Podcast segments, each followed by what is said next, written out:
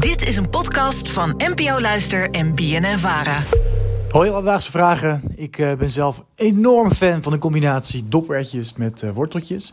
En als ik naar het aanbod in de supermarkt kijk, ben ik geloof ik ook eh, niet de enige. Maar ik vraag me eigenlijk wel af, waar komt die combinatie precies vandaan? Alledaagse vragen. NPO Luister. Michiel uit Terneuzen, dankjewel voor je vraag.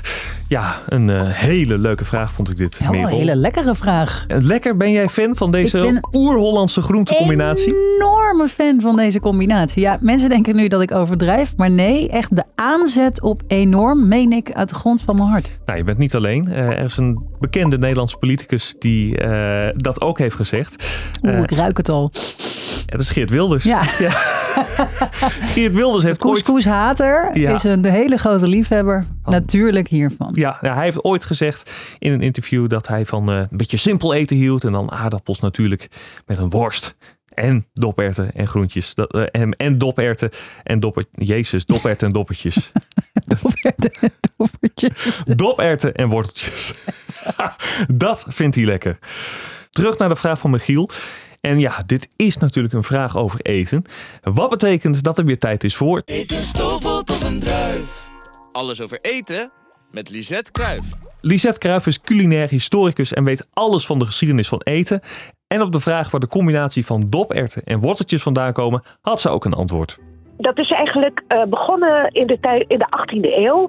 Dat eh, de Franse koning eh, heel dol was op ertjes. Dat was heel chic. Ja, en dan kreeg je al gauw het idee van daar moet nog wat bij. En dan liggen worteltjes voor de hand. Het zijn alle twee primeurgroenten. En dat was chic vroeger. Dus wanneer je een groter etentje had, dan waren er altijd verschillende soorten groenten op tafel. Maar de combinatie van erwtjes en worteltjes maakt het dan extra feestelijk vanwege de kleur.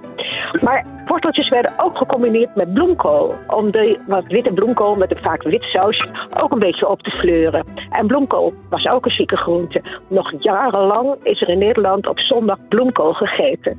Ongelooflijk, wat weet die vrouw toch veel.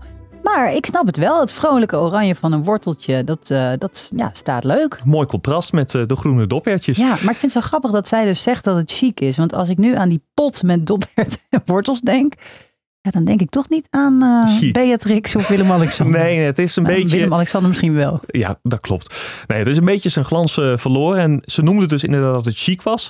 En dat had ermee te maken, vertelde zij mij, dat erwten vroeger een conserveringsgroente waren.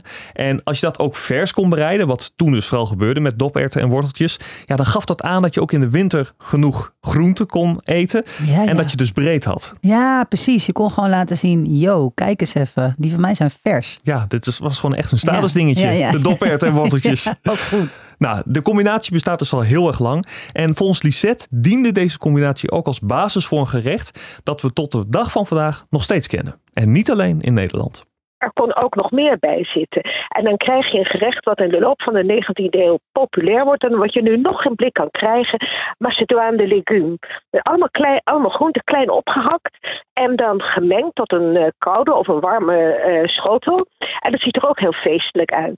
Onze erwtjes en worteltjes zijn in feite daar een, ja, een beetje een, eh, eenvoudige ingeblikte versie van. We zullen het nauwelijks meer vers za- klaarmaken. Nee, klopt. Ik wil het niet eens meer vers. Nee. nee.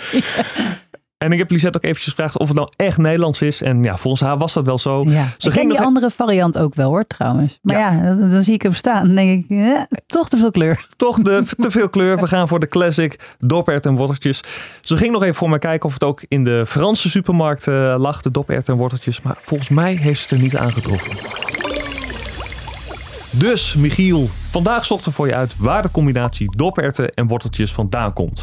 En blijkbaar hebben we dat te danken aan een Franse koning uit de 18e eeuw, die dol was op de erten. Die waren in die tijd hartstikke chic om te eten, maar ze vonden er toen wel dat nog iets bij moest. En zie daar, de entree van de wortels. En deze combinatie is in veel landen uitgegroeid tot Macédoine de légumes. Maar in Nederland houden we nog altijd vast aan de combinatie van doperten en worteltjes. Ja, en Merel, wat is het ook een topcombinatie? Ja, dat is denk ik het enige wat ik met Geert Wilders gemeen heb. Heb jij ook nog een vraag? Stuur ons dan een berichtje. Dat mag via Instagram naar Alledaagse Vragen. Maar je mag ook een mailtje sturen naar alledaagsvragen.bnnvara.nl en dan zoeken we het voor je uit. Alledaagse vragen. NPO Luister. BNN Vara.